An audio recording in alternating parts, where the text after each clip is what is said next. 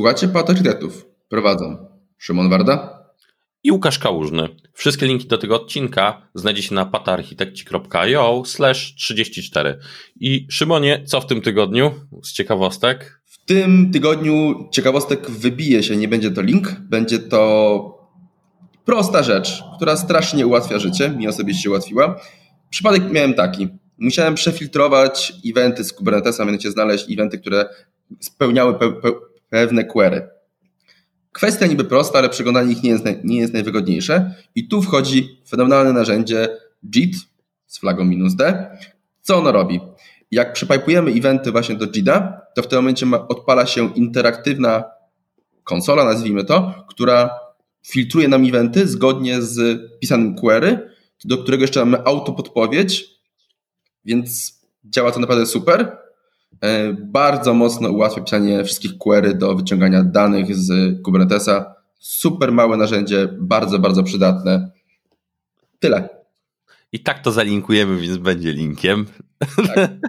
tak. Y, słuchaj, ale jeżeli dobrze pamiętam, to JIT tak naprawdę łyka wszystkie e, JSONy z pipe'a. Tak. Nie tylko. Dokładnie. Jest tak naprawdę do obsługi JSONów i streamów. Możemy sobie input stream z pliku, z innych rzeczy, czy z kurla nawet, czy WGETA zrobić y, stream tak, tak, tak. W moim przypadku to były akurat eventy, ale zgadza się, y, obsługuje JSON Puffa po prostu z dowolnego obiektu JSONowego. Super użyteczny. Z mojej strony zestaw wykładów z MIT, a dokładniej świeżynka z tego roku, y, lekcje z Distributed Systems. I MIT udostępnia na, na YouTubie całą listę swoich wykładów z systemów rozproszonych. I co ważne, on jest nowoczesny. To nie jest jakaś y, odgrzewany kotlet przez 20 lat slajdów profesora, y, tylko tak naprawdę mamy nowoczesne systemy, czyli znajdziemy sobie fault tolerance z, y, z Raftem, znajdziemy Zookeepera, gdzieś jest chyba kawałek nawet blockchaina niestety, ale jest, jest Optimistic Control Currency, są cache, więc jest sporo różnych rzeczy z nowoczesnych systemów e, rozproszonych i, też częściowo implementacji tego na niektórych przypadkach. Więc jeżeli ktoś czuje się, że chciałby sobie uporządkować wiedzę, trochę ją rozszerzyć albo rozpocząć z tym, no to warto wziąć i sobie zobaczyć i przejrzeć te wykłady, bo są fajnie zrobione. Do tego wszystkie slajdy, laby e, i też ja przez to trafiłem, bo w jednym miejscu trafiłem na notatki z tych wykładów, więc też linkuję notatki dla ludzi, którzy w tym uczestniczyli, to przechodzili i robili swoje notatki do nich. W ogóle MIT publikuje swoje wykłady praktycznie ze wszystkiego, także można z fizyki, matmy, są proporzonych, warte są, bo są super jakości, naprawdę. Raczej ogólnie jest dużo amerykańskich uczelni tych topowych, produ y, produkuje taki materiał, publikuje go, więc to też jest taka ciekawostka, że chyba Stanford albo Berkeley miało na przykład fajny skrypto, bodajże z kryptografii. No, jest, tego jest, jest, tego, jest tego multum. Przejdźmy teraz sobie już do naszego głównej części odcinka, czyli dzisiaj na warsztat bierzemy Technology Radar, wydanie 23. Tak, jako się pojawił, to trzeba go skomentować. A co? Dobra, przypomnijmy, czym jest y, Technology Radar, Szymon. Dobrze, Technology Radar jest subiektywnym, ultra ważne, subiektywnym spojrzeniem firmy Fotworks, bardzo znanej, dobrej firmy zajmującej się konsultingiem w ramach IT, na obecny stan rynku i czemu mówię tu, że jest subiektywny? Bo oni patrzą, i to nawet zaznaczają na swojej stronie, że jest to patrzenie w kontekście, czym się zajmują ich konsultanci i co właśnie, niejako jakie projekty im wpadają. I czemu to jest takie dość ciekawe? Ponieważ e, Fotworks jako taki wywodzi się bardziej ze środowiska Javowego, więc widać, że te rzeczy Microsoftowe tak, takim wpadają, coraz więcej się ich pojawia, dlatego e, nawet będziemy chyba o tym mówili, że widać taką latencję między tym, co się dzieje z naszej perspektywy, a tym, co Fotworks niejako generalnie mówi obecnie. E, więc to jest to. E, cały radar jako taki, tak naprawdę, dzieli się też na obszary i na poziomy. Więc Łukaszu, obszary czym są? Obszary. Mamy takie cztery na tym radarze. Mamy cztery takie obszary. Y, jeden kwadrant, gdzie mamy techniki, czyli omawiamy tak naprawdę sposoby realizacji tego, techniki, które mamy w wytwarzaniu i utrzymywaniu wokół wszystkiego, y, całej tej części operacyjnej i wytwórczej. Potem narzędzia, czyli wszystko, co nas wspiera. Znowu rozwój i utrzymanie. Potem platformy, czyli gdzie możemy coś, co nazywamy platformą i możemy wykorzystać. I na końcu najdniejszy obszar, w mojej opinii, od dwóch lat pewnie, czyli języki i frameworki, które skupiają się głównie ostatnio na frontendzie. Bardzo mocno. Zgadzam się w zupełności. Dobra. Szymonie, a jakie ty masz potem następnie, bo mamy poziomy tak naprawdę adopcji technologii. Tak. I poziomy też są cztery. I poziomy można sobie wyobrazić jako takie warstwy dojrzałości, tudzież warstwy używalności danych technik, technologii, języków i tak dalej. Jak pójdziemy od zewnętrznej, to jest hold. I hold jest tą warstwą, na której ThoughtWorks mówi nie rób tego po prostu. Y, warstwą trochę bliższą, czyli taką y, warstwą, na której ThoughtWorks mówi przeczytaj, zobacz, pomyśl, oszacuj, czy w ogóle chcesz w to wchodzić. I to jest warstwa assess. Warstwą krótko, y, trochę bliższą tego centrum jest trial. Trial to jest taka warstwa, że spróbuj, zrób poka, zobacz, czy pasuje, pasuje do Twoich problemów. I najbardziej wewnętrzną warstwą jest adopt. Adopt jest warstwą prostą, zacznij używać, bo ci się przyda generalnie. E, co jest ważne też w tych warstwach, to jest to, że wszystkie pojęcia, techniki, to o czym pisze e, Technology Radar, mogą się przemieszczać między warstwami w obydwie strony. Czyli zarówno do, do wewnątrz, czyli w kierunku dojrzałości, jak i z dojrzałości mogą wylecieć nagle na holda, czyli żeby tego w ogóle nie używać. Więc to trzeba mieć na uwadze. W kontekście tłumaczenia, jak to w ogóle wygląda, no to faktycznie słuchanie się Holda, tak, to byśmy zalecali zdecydowanie. Raczej był nawet taki wspaniały mem, nie wiem czy od, może od, yy, od Grega Younga, czy od kogoś. Jeżeli jest hold, to faktycznie wychodź, mhm. a w przypadku innych zastanów się, bo może być to istotne. Ale nie musisz od razu wdrażać. Tak, zdecydowanie. I czasami też technologia nadal nie jest spójny ze sobą. Niektóre rzeczy, mimo że ciebie zależą, są na innych poziomach. Bywa, bywa z tym różnie. Generalnie myślenie jest wymagane. Jak, jak zawsze i wszędzie. Dobrze. No to chyba przechodzimy przez kolejne, yy, kolejne obszary. Pierwsze. I techniki. Dokładnie tak. No Szymonie, wiesz, wiesz, co wybrałeś? Dobrze, ja nie mogłem wybrać e, niczego innego jako pierwsza pozycja poza Run e, Cost as Architecture Function, czyli, i to jest, to jest w adopt, czyli używajcie, myślcie o tym, korzystajcie. O co chodzi? Mówiliśmy o tym już kilka razy i ten ruch jest coraz silniejszy, żeby zacząć widzieć koszt infrastruktury, koszt naszego systemu jako element architektury, czyli coś, co można zoptymalizować, coś, co trzeba monitorować, coś, coś o czym trzeba myśleć, projektując system bo szczególnie w kontekście chmury łatwo jest wybrać drogą usługę, z której nie korzystamy w pełnym zakresie, a migracja na trochę prostszą usługę spowoduje znaczne obcięcie kosztów.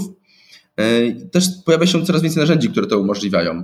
Bardzo dobre i spójrzmy na to generalnie, żeby naszego projektu nie ubić właśnie przez koszty. Ważne. E, kolejna opcja.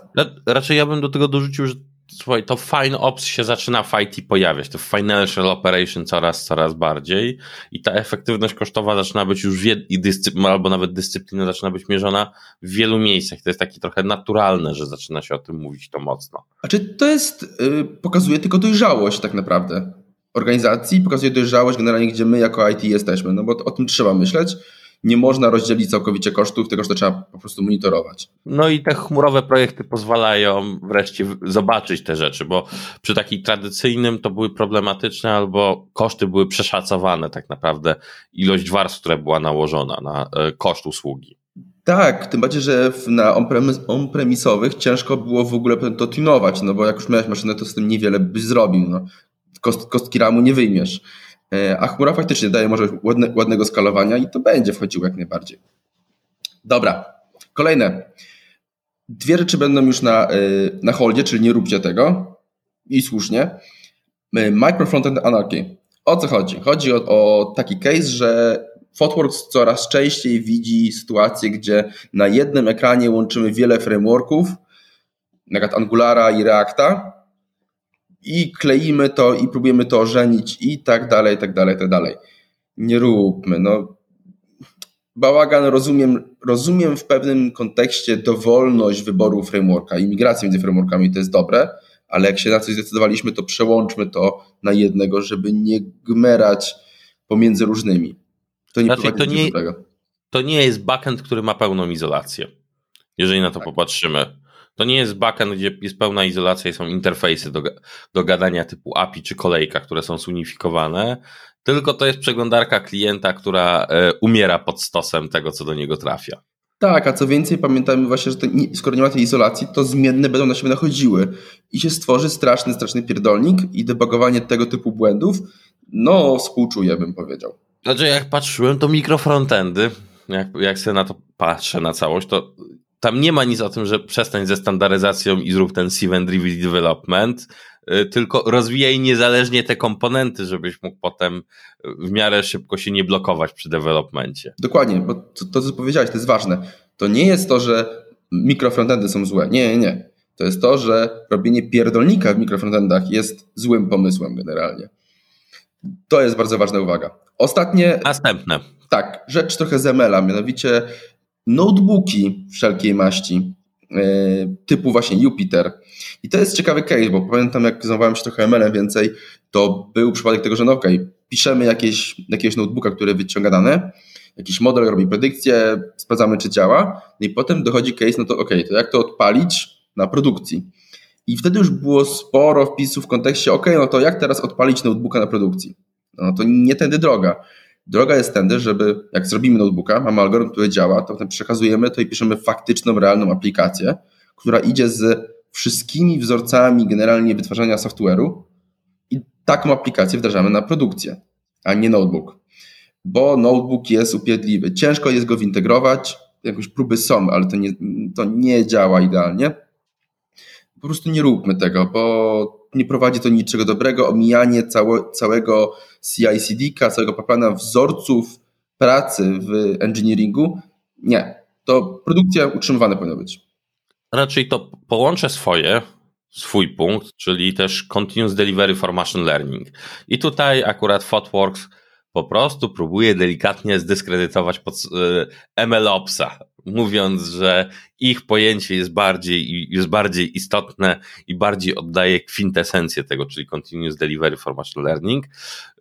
Tutaj mam status, już nie będę się wyrażał niektywami na ten temat, co myślę o takich zmianach. Tak, jest to istotne w przypadku tego, co ty też wybrałeś, że machine learning, i z nimi się akurat tutaj zgadzam, że machine learning potrzebuje tego inżynierskiego dotknięcia tego kodu, a nie notebook przylatający od data scientistów, ad, ad tak po prostu.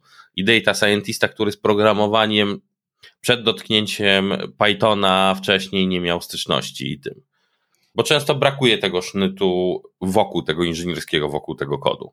Tak, jeszcze co widziałem taką opcję, że są zmienione notebooki na produkcji i potem nagle coś, coś wylatuje powietrze, bo jeden model, który, od którego zależały inne modele się trochę zmienił i wszystko wybuchło. Takie więc, tak, więc ten hold i trial, który jest hold w przypadku tych notebooków, trial w przypadku MLOpsa przewrotnie powiedzmy sobie, ma, dla mnie jest on istotny. Nie podoba mi się tylko, że ten buzzword tutaj próbują dyskredytują jeden buzzword i robią następny. To jest już trochę marketingowe i śmieszne. Wpis na Wikipedii wiesz, zawsze jest ważny, Fotworks będzie linkowany. Tak. Następnie u mnie jest to rzecz, o której w sumie już my mówiliśmy, żeby zrobić hold na niej y, kilka odcinków dobrych tak. temu, a tutaj się pojawił, czyli ESB in API Gateway Clove, czyli nie wsadzamy ESB w ciuchy API Gatewayów i nareszcie, dlaczego mówię nareszcie jest na holdzie? No ponieważ używanie ESB jako API Gateway i po prostu nazywanie ciężkich ESB API gatewayami, bo nie oszukujmy się, przyzwyczajenia zostają. Jeżeli ktoś robił wcześniej ciężkie ESB, to on znowu wyprodukuje ciężką szynę zamiast lekkiego API gatewaya, więc to jest idealne. No i pewnie trochę na wskroś producentom, którzy bardzo lubią, y, teraz się lubowali w wsadzaniu wszystkiego i zmienianiu API driven, event driven i coś tam w, w tych starych dobrych ESB. Dokładnie. To co, przechodzimy teraz do toolsów. Toolsów, dobrze. Co wybrałeś?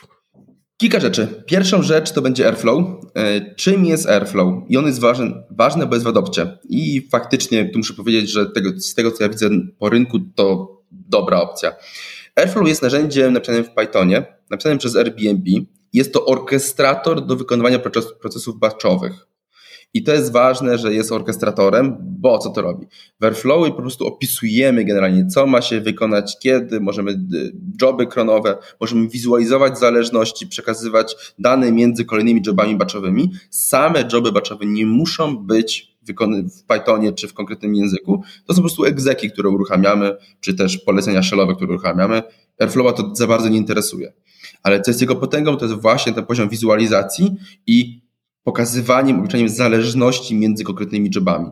Airflow stał się praktycznie na chwilę obecną standardem, jeżeli o to chodzi, bo odstawił konkurencję bardzo mocno, co jest ważne. Powiedziałem, że on jest od, od Airbnb, ale obecnie jest pod Apache'em. Airbnb już przekazał ten produkt generalnie, także można spokojnie go używać. Fajne narzędzie. Stało się standardem. Baczówki będą w każdym systemie istniały, szczególnie w takim, który przetwarza dane.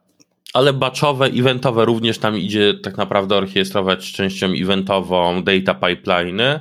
Tak. I co ja lubię akurat to jest w pełni gitopsowalny. Tak naprawdę Airflow ma ileś tam podejść, żeby go w pełni, y, całą infrastrukturę zgitopsować wokół niego i to, co znajduje się wewnątrz, czyli można tym zarządzać z kodu, a pod spodem to jest stary, dobry Python, więc nie powinien przeszkadzać. Zgadza się, no bo ta, ta definicja zależności jest w kodzie, więc to można super y, obrobić, jak najbardziej. Druga rzecz jest trochę mniej rewolucyjna, bym powiedział, bardziej ułatwienie. TerraGrunt. Czym jest? Jest nakładką, tak nazwijmy, na Terraforma. Jaki problem rozwiązuje? Problem tego, że faktycznie jest tak, że jeżeli piszemy generalnie infrastrukturę as code, to tam będą powtórzenia. Nie, nie, nie, nie będziemy w pełni dry i TerraGrunt właśnie daje tą możliwość właśnie, żeby lepiej modułować, żeby nasz, nasz kod infrastruktury był bardziej dry. Dodatkowo jeszcze daje możliwość robienia hooków przed, po wykonaniu. Fajne. Ja mam problem z pewien taki, nie zawsze ten dry wszędzie należy wciskać. W kod jacowy nie, niekoniecznie bym powiedział, że to jest wymagane. Ja jestem antyfanem Terraforma, ale jeżeli popatrzymy o, o, same to podejście, tak jak mówisz, ten dry, no w IAC-u zawsze kończył się zaniedbaniem. Ten dry zawsze prowadził do zaniedbania i kombinowania. Albo takie... do zbyt dużej ilości parametrów w module, że nagle mamy jeden do jednego, mapujemy to, to, co jest pod spodem tak naprawdę. Tak, nie było logiki. Nie robił tego, żeby wziąć i tak naprawdę robić drive'owanie konwencjami tak naprawdę całości. Czyli mam jedną nazwę i mi się rozwija pół, pół nazewnictwa w środku mi się rozwija z tej jednej nazwy. Za mało to drive'uje w mojej, w mojej takiej opinii. Chociaż sam TerraGrunt miałem okazję tam parę razy skorzystać, no to jest przydatną nakładką, przydatnym narzędziem obok tego, żeby tego używać. Tak. Co u Ciebie, Łukaszu? Dwa narzędzia od GitHuba. Dependbot, który jest w Adopcie i y, Looks Good to Me y, w Assesie. To są zakupy GitHuba z ostatnich miesięcy, lat y, i są o tyle, że pokazują automatyzację w utrzymaniu kodu, co jest coraz bardziej istotne. I Dependbot tak naprawdę potrafi przeskanować nasze repo i zrobić pull requesta z podbiciem. Czyli przykładowo, jeżeli mamy dobrze napisane testy, przynajmniej kontrakty, mamy e, testy integracyjne, to po podbiciu Unity, to po podbiciu zależności tak naprawdę Dependbot robi nam pull request, możemy wpuścić to na całego CI, zobaczyć czy działa i potem zmerżować swój już podbity kod i mieć ciągle go podbijanego. Mm, drugą rzeczą, która przy okazji tego wychodzi, to jest Look Good to Me, czyli też narzędzie do od strony security do skanowania naszego kodu statycznie e, za pomocą CodeQL-a. GitHub zrobił dobre zakupy i faktycznie ten ekosystem, który rośnie wokół utrzymywania kodu na GitHubie naprawdę jest dobry. E, powiadomienia i skanowanie, coraz więcej automatyzacji jest i to jest bardzo dobry ruch, zdecydowanie. I to jest, jeżeli tam popatrzymy, to jest trochę ten twój stary, y, twój stary przykład, z którego się śmiałeś, czyli bot znalazł lukę security, wrzucił pull request, drugi przetestował, wysłał mema i, i zmerdżował. Tak. I trochę, trochę te narzędzia teraz przestają być, przestają być fikcją tak naprawdę. I one zaczynają być dostępne, e, w szczególności dla mniejszych firm, bo cennik GitHuba jest dla małych firm jest genialny za ten tooling, który dają. I taka ciekawa uwaga, sporo ten, sporo ogólnie Terraforma i narzędzi DML się pojawiło teraz w Toolsach. Jak na to patrzę. W pełni się bym się z tym zgodził. Jest. Yy... Znaczy, patrząc, dziwnie, dziwnie poszatkowany bardzo jest ten e, Technology Radar. Taki niepełny bym powiedział. Przejdźmy teraz do platform. Szymonie. Dobrze. Yy... Ciekawostek. Nie ma nic w Adopcie. Nie wiemy czemu. Co się pojawiło? Nie ma rewelacji tutaj, bym powiedział. Tym bardziej, że musiałem część, yy, wiedziałem, że oddam Łukaszowi, bo inaczej, inaczej by tu marudził zbyt dużo. Taka prawda. Yy, kilka rzeczy, które pokazują trochę jak yy, niejako, jaką opóźnienie dla mnie właśnie ma Fotworks. Azure DevOps jest w trialu. Czemu? Są, są ze świata Javowego, wchodzą w bardziej w Azure. No, DevOps przyjemny, użyteczny, jeżeli integrujemy się oczywiście z Azurem i nie tylko, bo już to budowali całkiem nieźle. Y, mega fajne narzędzie do wykorzystywania i chyba tyle mamy tu do dodania. Dużo ciekawszym jest, znowu wyprzedziliśmy Technology Radar, mianowicie Backstage, narzędzie, o którym mówiliśmy wcześniej od Spotify'a, które umożliwia wprowadzenie takiego trochę bardziej menedżerskiego spojrzenia na naszą architekturę serwisów i takiego bardziej umożliwia też spojrzenie i robienie wewnętrz, wewnętrznej reklamy i wewnętrznej informacji o serwisach w firmie, nie tylko na poziomie technicznym, tylko żeby właśnie wiedzieć, co robi, zebrać w jednym miejscu całość informacji, to właśnie jest Backstage. Czemu Backstage jest fajny? Yy, bazuje na pluginach, daje dobrą możliwość wizualizacji i jest takim one Place Shopem do wszystkich serwisów, które mamy w firmie. Bardzo fajna usługa. Oni się dobrze opisują jako otwarta platforma do budowania deweloperskich portali. Oni tak to opisują i mają ileś zbudowanych y, modułów. Przykładowo to, co mi się podoba, to jest ten moduł tak naprawdę serwisów, katalog serwisów, których jest dostępny. Dodatkowo pojawiły się modele ML, te rzeczy kosztowe, które Tobie się bardzo spodobały i też z tego co pamiętam e, silnik do robienia template'ów aplikacji, żeby za, y, zrobić repo, jeżeli dobrze pamiętam też. Chyba pracowali nad takim czymś, żeby można było mieć swoje standardowe template'y w tym, żeby zainicjalizować repo, przykładowo z reaktowym czy golangowym korporacyjnym szablonem to nazwijmy. Tak, jak się patrzy na ich GitHuba, to naprawdę tam się dzieje, więc Spotify nie rzucił tego tak, od tak sobie i macie teraz, jest, ich, oni to, to robią jest. To jest po prostu, ich ten kod to jest teraz core ich wewnętrznej platformy, o tak, bo oni ją po prostu wyrzucili na zewnątrz, zmodularyzowali trochę, sparametryzowali i wyrzucili innym, żeby też poużywać. Też rozwój jest lepszy, bo ktoś może ci trochę pofiksować bez dodatkowych kosztów. No ale rzeczywiście, o to chodzi generalnie. Dobrze, Łukaszu, co u ciebie? Syndrom sztokholmski w ACESie, czyli y, K3S. Jest to taki, jest to projekt open source'owy Ranchera, który przygotował bycie Kubernetesa do bycie bardzo małym, czyli jest to skompilowane do jednej binarki cały Kubernetes w postaci jednej binarki razem z silnikiem do odpalania, runtime'em kontenerowym Containerd, całym networkingiem i bazą danych, czyli wszystko upchane w jedną dużą binarkę. Pod spodem działa na SQLite domyślnie, czyli ma bardzo niskie zależności tak naprawdę od systemu operacyjnego. Mhm. I do czego to jest? Do, po pierwsze do środowisk CI, czyli możemy na przykład sobie w środowisku CI, jeżeli mamy aplikację, od, po prostu odpalić w binarce Kubernetesa, wgrać naszą aplikację i ją przykładowo przetestować. To jest pierwszy z takich rzeczy. Druga to jest catch y, taki on the edge, czyli Kubernetesy do IoT. My też kiedyś o nim wspominaliśmy w którymś odcinku dawno, dawno. Było, było. Jeden z pierwszych. Ale tak, ale to jest właśnie IoT i środowiska CI. Ja trzymam u siebie, mam tam pod ręką taki klaster czteronodowy właśnie na takim K3 się sobie stoi w domu do zabaw. Czyli włączasz diodę przez Kubernetesa. No dobrze. Tak, tak, albo światło. Kolejne.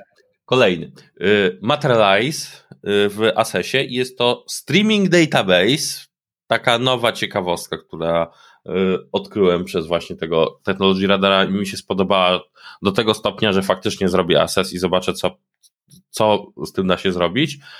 I tak naprawdę ta baza danych potrafi się podłączyć do streamingowych źródeł danych i zrobić tak naprawdę, zbierać z nich dane i pozwalać je querować za pomocą SQLa, dokładniej SQLa takiego y, Postgres Flavor.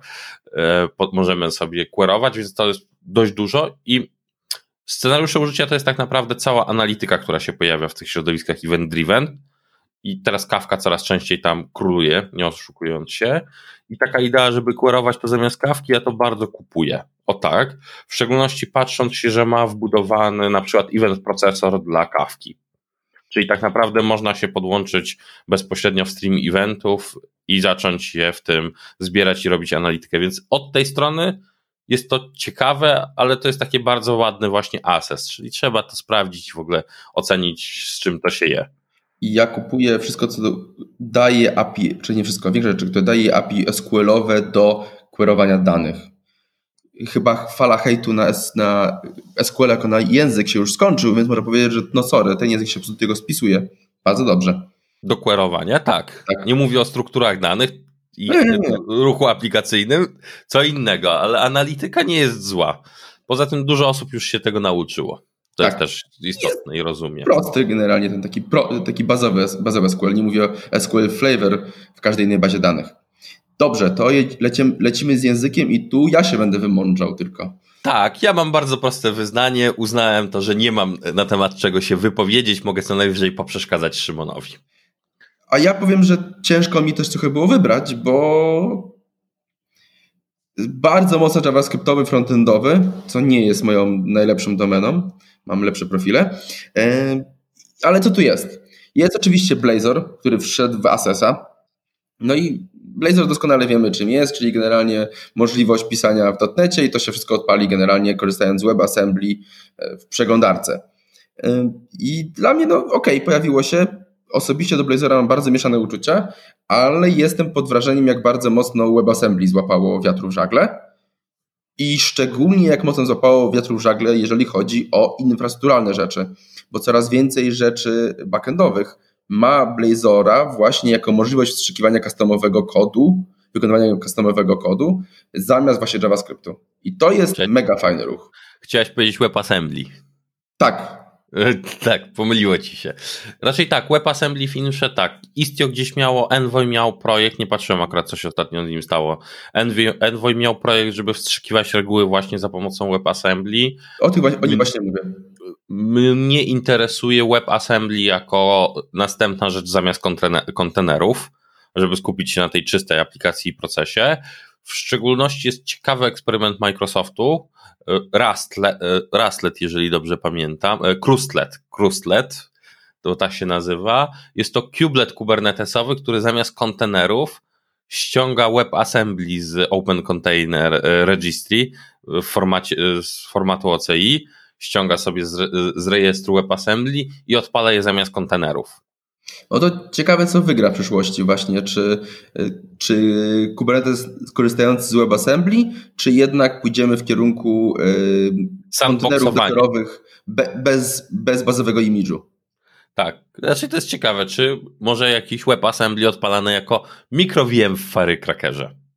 Może być, no ale zdecydowanie od, kierunek, kierunek, kierunek odchudzania tych kontenerów, jak, jak to ma chodzić, idzie bardzo mocno. Znaczy to w ogóle wywala cały ten stos taki sysopsowy z tego. Tak, upraszcza bardzo dużo. No i security będzie nam podnosiło bardzo ładnie. Dobrze. Kolejne to jest obserwacja, to jest Rust. Piąty, yy, piąty raz z rzędu generalnie pojawia się w Technology Radar. Jest to dla mnie taka ciekawa obserwacja, bo jest to pięć lat z rzędu też pojawia się jako najbardziej kochany język na, y, na ankiecie ze Stack Overflow a jakoś fajnie to pokazuje to, że ta miłość do języka nie zawsze jest równa używaniu tego języka i często kochamy to, co, to czego nie używamy i ten grass is always greener on the other side, czyli generalnie póki nie zaczniemy używać, to nie zaczniemy hejtować. E, Raz jest, ma się dobrze, jakiejś szerokiej adopcji ja nie widzę jego. Znaczy, kurde, tak jak ja sobie przeglądam projekty CNCF-u na przykład, to ten raz czasem występuje, Golang nadal rządzi. Tak. W, firm, w firmach zawodowo raz się spotkałem z Rastem. Teraz tak przez całą karierę i to w projekcie przy startupie, gdzie wykorzystywali Rasta, spotkałem się z nim, więc on nie jest takim, nazwijmy to, szeroko adoptowanym. mimo tej całej miłości. Co ciekawe, ja tam, gdzie ludzie chcą performance'u, to często nadal albo ktoś bierze C++, albo Golanga, bo jest dużo bliżej. Więcej, dużo więcej ludzi dalej go zna po prostu, bo się uczy go na studiach, więc ta baza deweloperów jest dużo, dużo szersza. Też takie mam uczucie. Dobrze, następne, mój drogi. Ostatni jest HashiCorp Sentinel i nawet można zobaczyć generalnie, że Terraforma i HashiCorpa mamy tutaj trochę, bo jest go sporo w te Technology Radarze. Czemu? No bo swego czasu y, Technology Radar był bardzo mocno AWS-owy. No ale dobrze.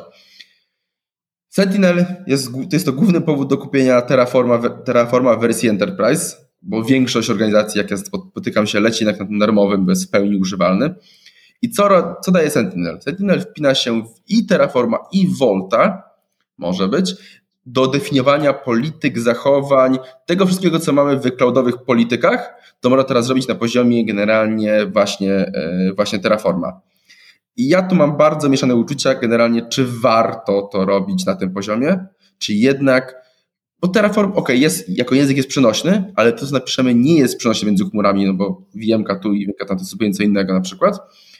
Ja jakby się skłaniał ku opcji, że jednak, sorry, ale polityki powinny być już definiowane w języku kon konkretnego prowajdera chmurowego. Ale dobrze powiedziałeś, Terraform Enterprise. Jeżeli firma idzie w Terraform Enterprise, to jest bardzo naturalne miejsce. A jeżeli nie idzie, no to nie ma w ogóle zerowo, zerowy, zerowy sens. Bo Terraform Enterprise, cały ten ich serwer tak naprawdę wokół, no naprawdę ma moc. Ja się wtedy już z Terraformem nie kłócę, bo większość bolączek, które do niego miałem, adresuję. Czyli zarządzanie stanem chciałeś powiedzieć, ta, ta jedna tak, bolączka. Tak, i security. Zarządzanie stanem security i Sentinel jeszcze podnosi tak naprawdę jakość tego. Tak, co jest fajne Sentinelu, to jest to, jak się go zintegruje z Voltem. Ale tu znowu wracamy do WebAssembly de facto.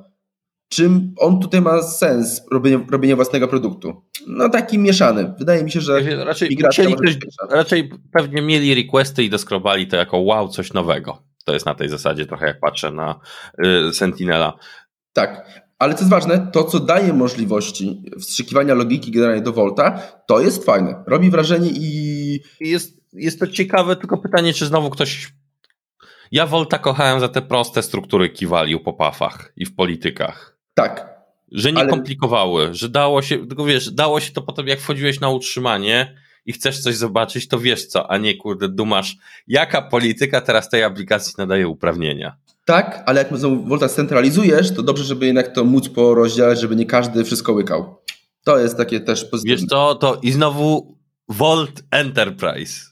Mój no drogi, tak. znowu, bo tam jest, multi, tam jest znowu multi-tenancy mode, którego w open source'owej wersji nie ma. Tak, Więc tak. to już są takie detale. Jeszcze odnosząc się do tych yy, wymuszaniach na chmurze, ja nadal będę fanem tak naprawdę olania standaryzacji stosu CI/CD mhm. pod względem chmury, jak robimy interakcję i jaca, a tak naprawdę to platforma chmurowa, czyli do, na platformie dostawcy powinniśmy robić te polityki i ich natywnymi politykami wymuszać i modelować zachowania. Czyli są to takie dwie rzeczy. Pierwsze, zabieranie uprawnień ludziom, czyli dawanie do tego, co potrzebują, a drugie, jeżeli mamy jakiś standard konfiguracji y, minimalny, to go wymuszamy poprzez polityki. Czy dla mnie największą dziurą w Sentinelu jest to, że to działa tylko na Terraformie, więc jak ktoś zrobi z konsoli albo z portalu, to się przed tym nie obronimy. I tu będzie padaka. Polityki no nie. Zabiera, zabieramy uprawnienia, zostawiamy read-only i tyle wtedy. Dobra, dobra, jakiś tam admin coś zawsze wyklika. E, więc polityki chmurowe zdecydowanie. Dobra, chyba tyle z tego radaru tak naprawdę. No to kończymy. To kończymy. Na razie. Na razie.